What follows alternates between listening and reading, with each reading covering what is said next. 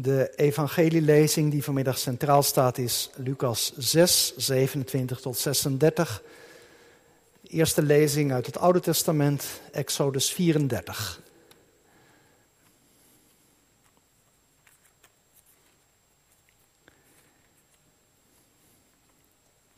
Exodus 34. We beginnen te lezen bij vers 5. Daaraan voorafgaat dat God voor de tweede keer de wet geeft. Twee nieuwe stenen tafelen. De eerste twee waren door Mozes stuk gegooid toen het volk had gedanst om het gouden kalf. God zegt, ik stop ermee, ik ga wel opnieuw beginnen met jou Mozes. Dan komt er een heel gesprek tussen Mozes en God op gang en uiteindelijk zegt God goed, dan zal ik met ze meegaan en dan wordt het verbond vernieuwd en ontvangt Mozes dus ook weer de nieuwe stenen tafelen. En dan volgt een verschijning van God aan Mozes. Exodus 34, vers 5. Toen daalde de Heer neer in een wolk, ging daar bij hem staan en riep de naam van de Heer uit. Toen de Heer bij hem, bij Mozes voorbij kwam, riep hij, Heere, Heere, God, barmhartig en genadig, geduldig en rijk aan goede tierenheid en trouw. Die goede tierenheid blijft bewijzen aan duizenden. Die ongerechtigheid, overtreding en zonde vergeeft, maar die de schuldige zeker niet voor onschuldig houdt. En de ongerechtigheid van de vaders vergeldt aan de kinderen en kleinkinderen tot in het derde en vierde geslacht. Toen haastte Mozes zich, knielde ter aarde, boog zich neer en zei: Heere, als ik nu genade in uw ogen gevonden heb, laat de Heere dan toch in ons midden meegaan. Zeker, het is een halstarrig volk, maar vergeef onze ongerechtigheid en onze zonde en neem ons aan als uw erfelijk bezit. Tweede lezing, het Lucas-evangelie, Lucas 6, We lezen vanaf vers 27. Dan lezen wij door tot vers ietsje verder dan ik had aangegeven. De zondagsbrieven lezen tot vers 38. Maar ik zeg tegen u die dit hoort, heb uw vijanden lief. Doe goed aan hen die u haten. Zegen hen die u vervloeken en bid voor hen die u belasteren. Bied hem die u, op de ene wang slaat ook de andere. Verhinder hem die het bovenkleed van u afpakt, niet ook uw onderkleed te nemen. Maar geef aan ieder die iets van u vraagt. En eis niet terug van hem die neemt wat van u is. En zoals u wilt dat de mensen u doen, doet u hen ook zo. Als u hen liefhebt die u liefhebben, wat voor dank komt u daarvoor toe? Immers ook de zondaars hebben degene lief die hen liefhebben. En als u goed doet aan hen die aan u goed doen, wat voor dank komt u daarvoor toe? Immers ook de zondaars doen hetzelfde. En als u leent aan hen van wie u hoopt terug te ontvangen, wat voor dank komt u daarvoor toe? Immers ook de zondaars lenen aan zondaars om hetzelfde terug, terug te ontvangen. Maar heb uw vijanden lief en doe goed en leen zonder te hopen iets terug te krijgen. Dan zal uw loon groot zijn en zult u kinderen van de Allerhoogste zijn. Want hij is goede tieren over de ondankbare en slechte. Wees dan barmhartig, zoals ook uw vader barmhartig is. Oordeel niet en u zult niet geoordeeld worden. Veroordeel niet en u zult niet veroordeeld worden. Laat los en u zult losgelaten worden. Geef en aan u zal gegeven worden. Een goede, vastgedrukte, geschudde, overlopende maat zal men u in de schoot geven. Want met dezelfde maat waarmee u meet, zal er bij u ook gemeten worden. Tot zover de lezing uit de Bijbel. Dit zijn de woorden van God. Wij danken God. In de verkondiging onderstreep ik in het bijzonder vers 36 van Lucas 6. Wees dan barmhartig, zoals ook uw vader barmhartig is. En na de verkondiging zingen wij lied 395 uit de bundel Hemelhoog. Ik wil jou van harte dienen en als Christus voor je zijn.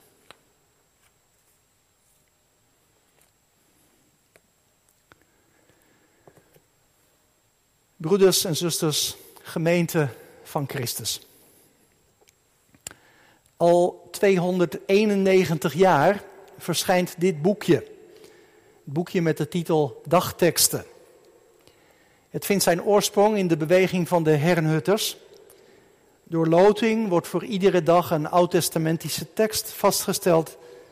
En daarbij wordt dan een tekst gekozen uit het Nieuwe Testament en ook een lied.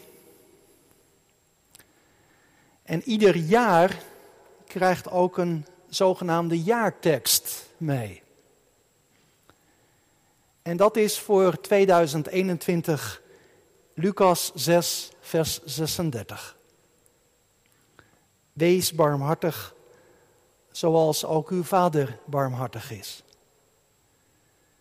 En omdat dat zo prachtig aansluit bij onze lezingen in de morgendiensten uit Lucas, wil ik de tekst vanmiddag ook centraal stellen. Ik had het al eerder willen doen, maar toen op het laatste moment kon de dienst niet doorgaan. Dus nu vanmiddag, Lucas 6, vers 36. Even over het grotere geheel.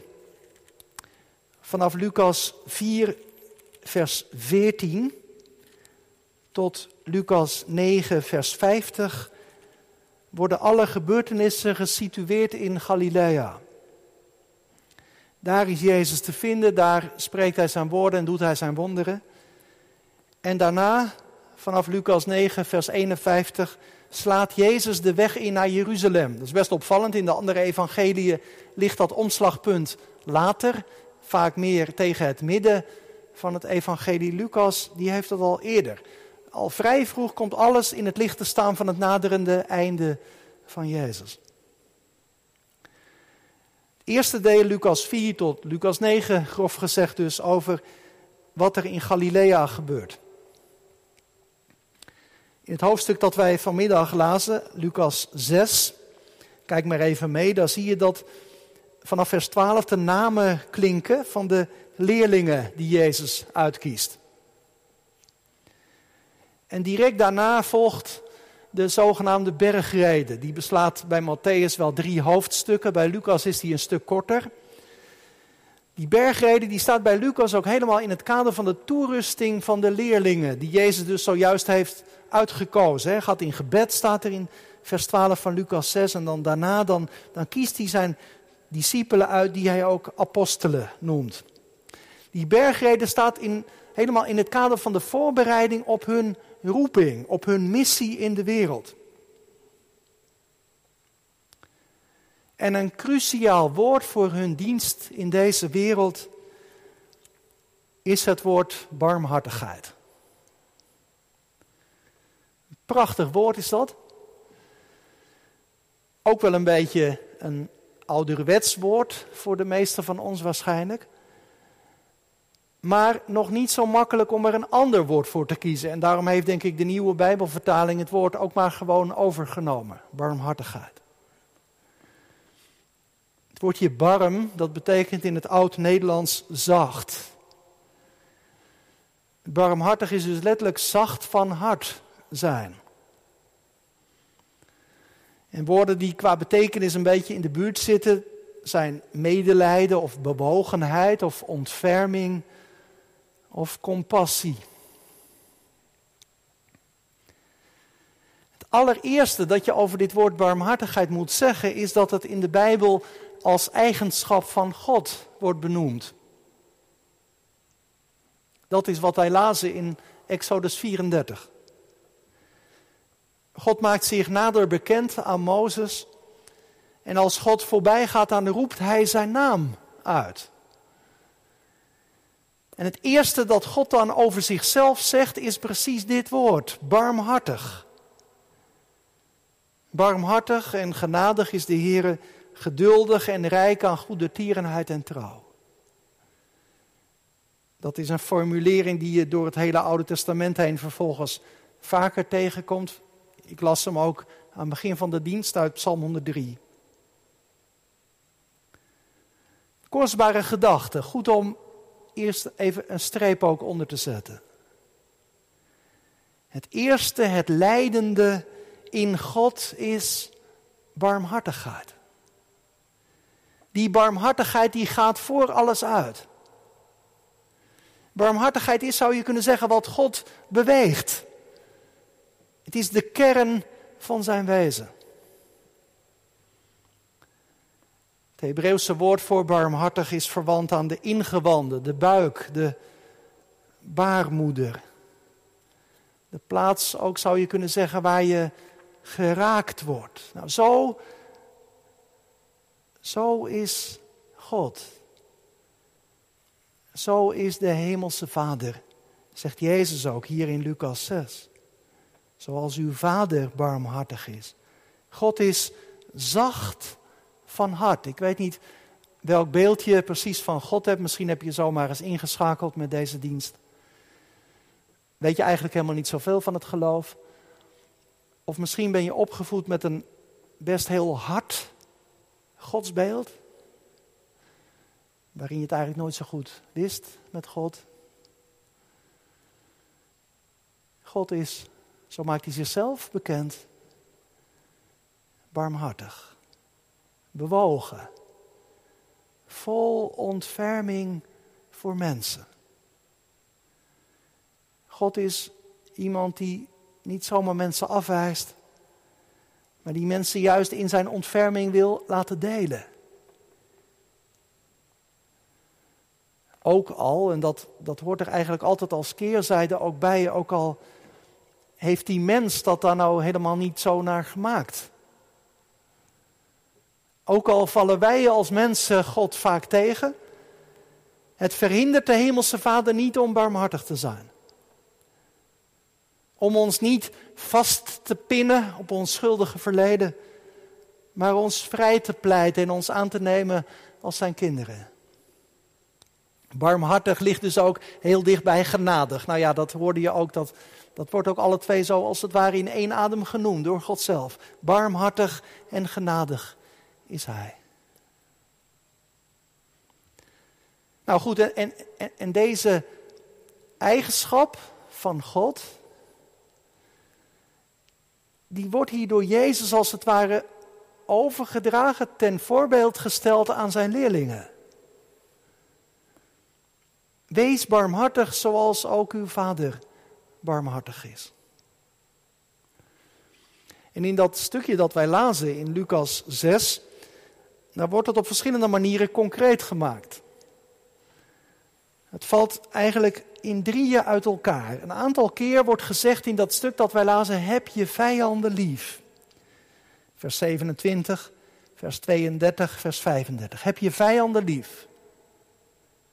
Dat is het eerste wat over dat woord barmhartigheid als het ware wordt gezegd. Het tweede, doe goed aan de ander. Doe goed aan de ander. Goed doen. Dat is ook zo'n leidmotief in dit stuk dat we lazen. Vers 27 tot 29, vers 33 en vers 35. Goed doen. En als derde, geef wat de ander nodig heeft. Wordt ook een paar keer herhaald. Vers 30, vers 34, vers 35. Drie vervoegingen, zou je kunnen zeggen, van dat ene woord barmhartigheid. Heb je vijanden lief, doe goed aan de ander en geef wat de ander nodig heeft. En het hart van die drie vervoegingen, dat staat als het ware, als ik het goed zie, in vers 31. De zogenaamde gulden regel. Zoals u wilt dat de mensen u doen, doet u hun ook zo. Dus niet wat wij misschien makkelijker of eerder zeggen, wat u niet wilt dat u geschiet, doet dat ook een ander niet. Maar positief. Zoals je zelf behandeld wilt worden, doe zo ook aan anderen. Op de achtergrond van dit hele gedeelte staat de gedachte van wederkerigheid. Dat wordt eigenlijk ook zo wel een paar keer wat opgeroepen. Hè? De gedachte dat voor wat ook iets hoort. Voor wat hoort wat. In, in de dagen van Jezus zou je kunnen zeggen, werd het hele sociale verkeer tussen mensen daardoor bepaald. Ik doe iets voor jou in de hoop en de verwachting dat ik daar dan ook iets voor terugkrijg. Zo spreekt Jezus daar ook over, hè? Vers, vers 32. Ehm, zondaren die geven liefde als ze die terug kunnen ontvangen. Ze doen goed, vers 33, omdat aan hen goed wordt gedaan. Ze geven en lenen aan iemand van wie ze verwachten het al of niet met rente weer terug te krijgen, vers 34. In Lucas is die hele sociale omgang van mensen ook best een groot thema. Je komt dat in het hele evangelie meerdere keren tegen. Gaat verschillende keren over iemand die een maaltijd aanricht. En dan zie je dat ook. Je nodigt de mensen uit voor een maaltijd met de bedoeling om teruggevraagd te worden. En hoeveel status iemand had, dat werd dan ook wel aan de maaltijd zichtbaar, aan de tafelschikking. Nou, volgens mij allemaal niet zo vreemd, toch? Ook voor ons nog steeds herkenbaar.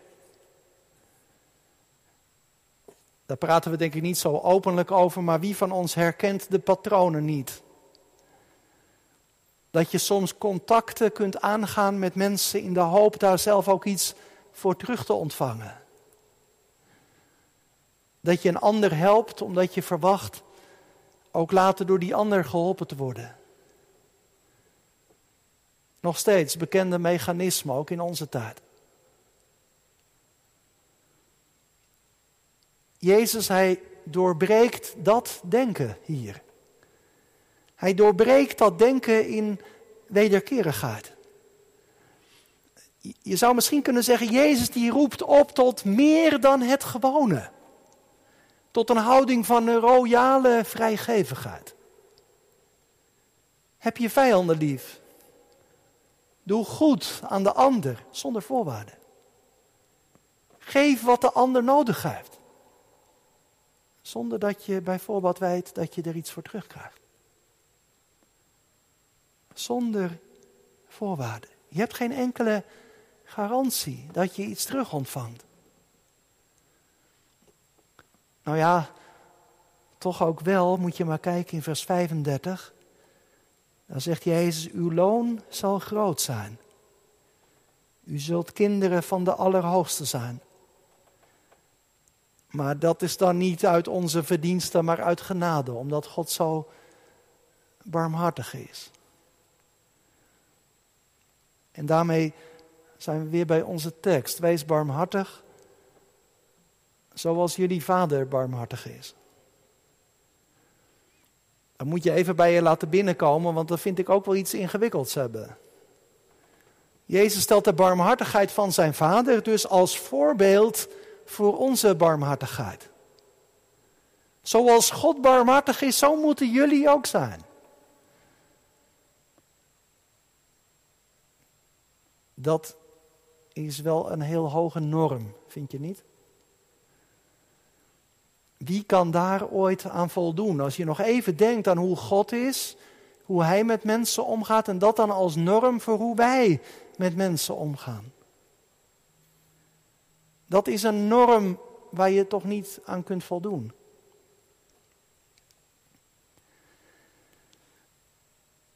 Ja, maar misschien ligt het toch nog net een slag anders.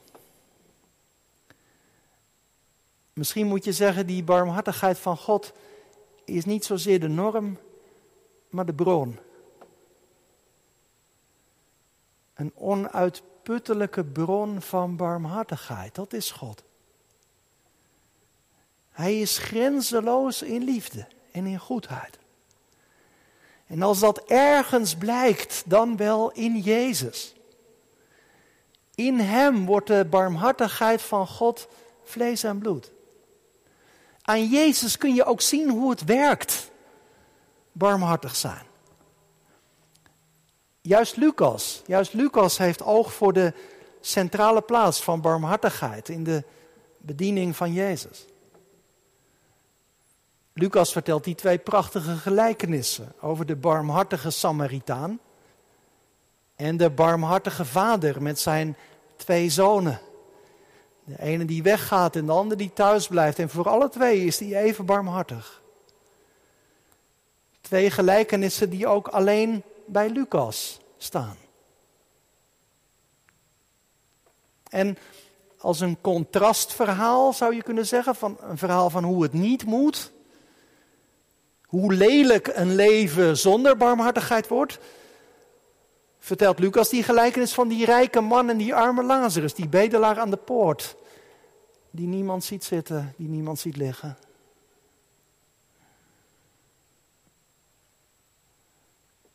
Aan Jezus kun je zien hoe Gods barmhartigheid werkt. Breng je dat even te binnen. Hoe Jezus met mensen omging.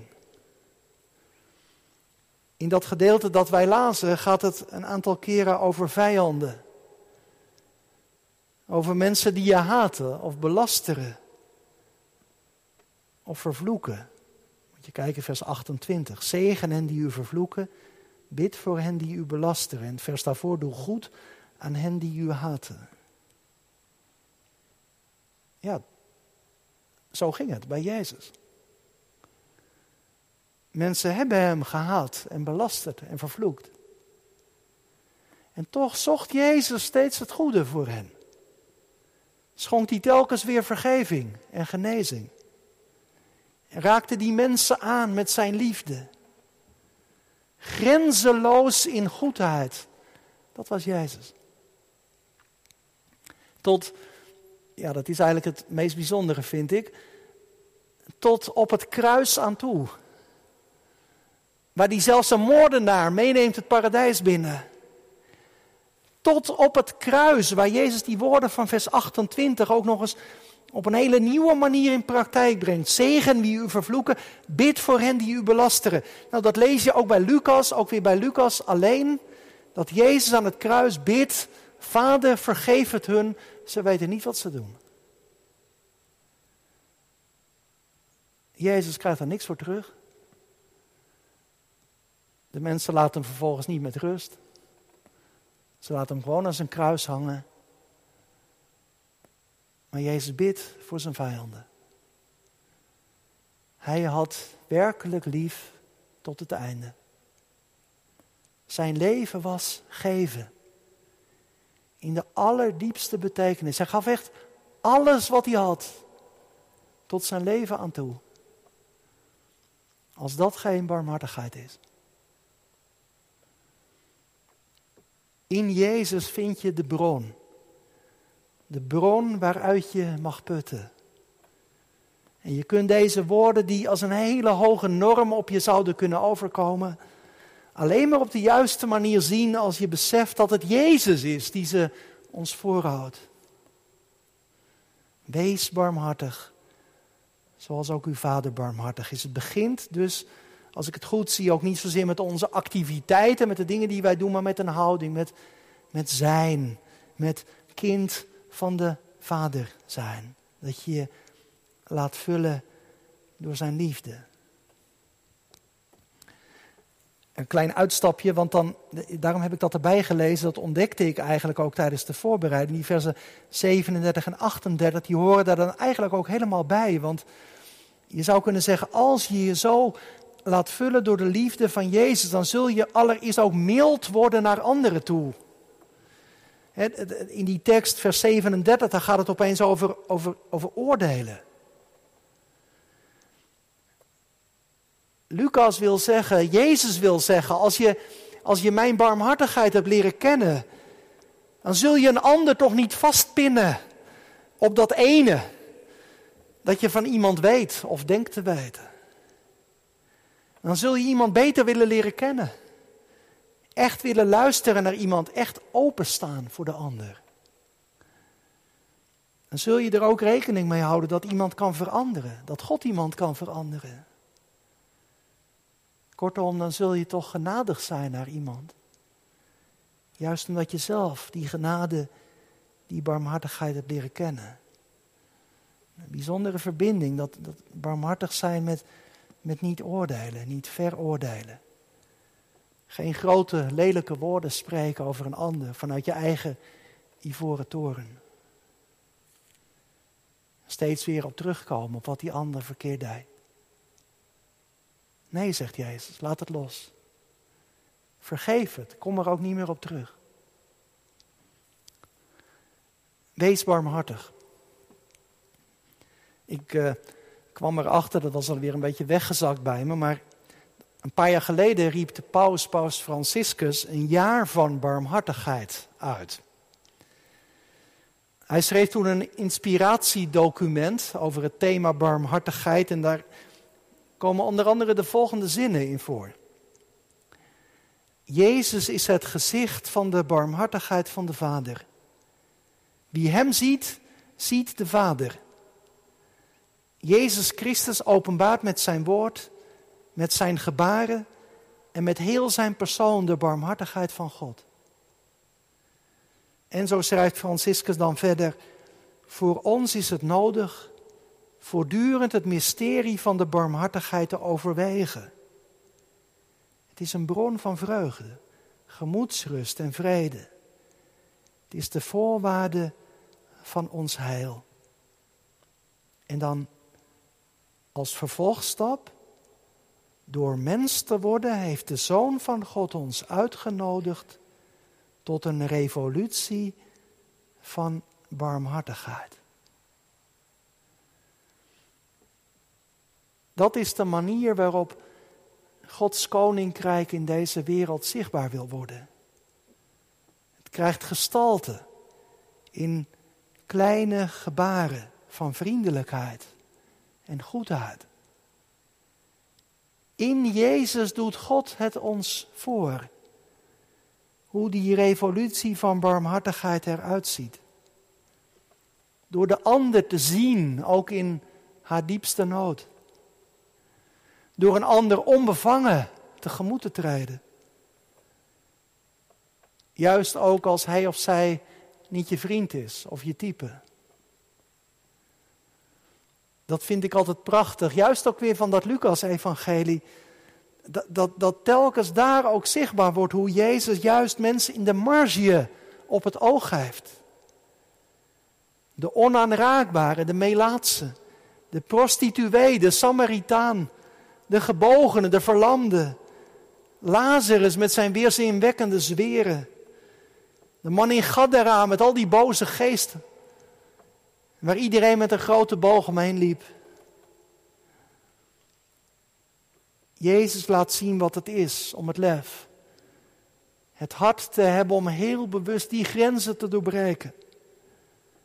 Over deze muren heen de ander te zien. De hand te reiken en te ontmoeten. En zo het hart van God voor die ander even heel tastbaar, voelbaar en concreet te maken.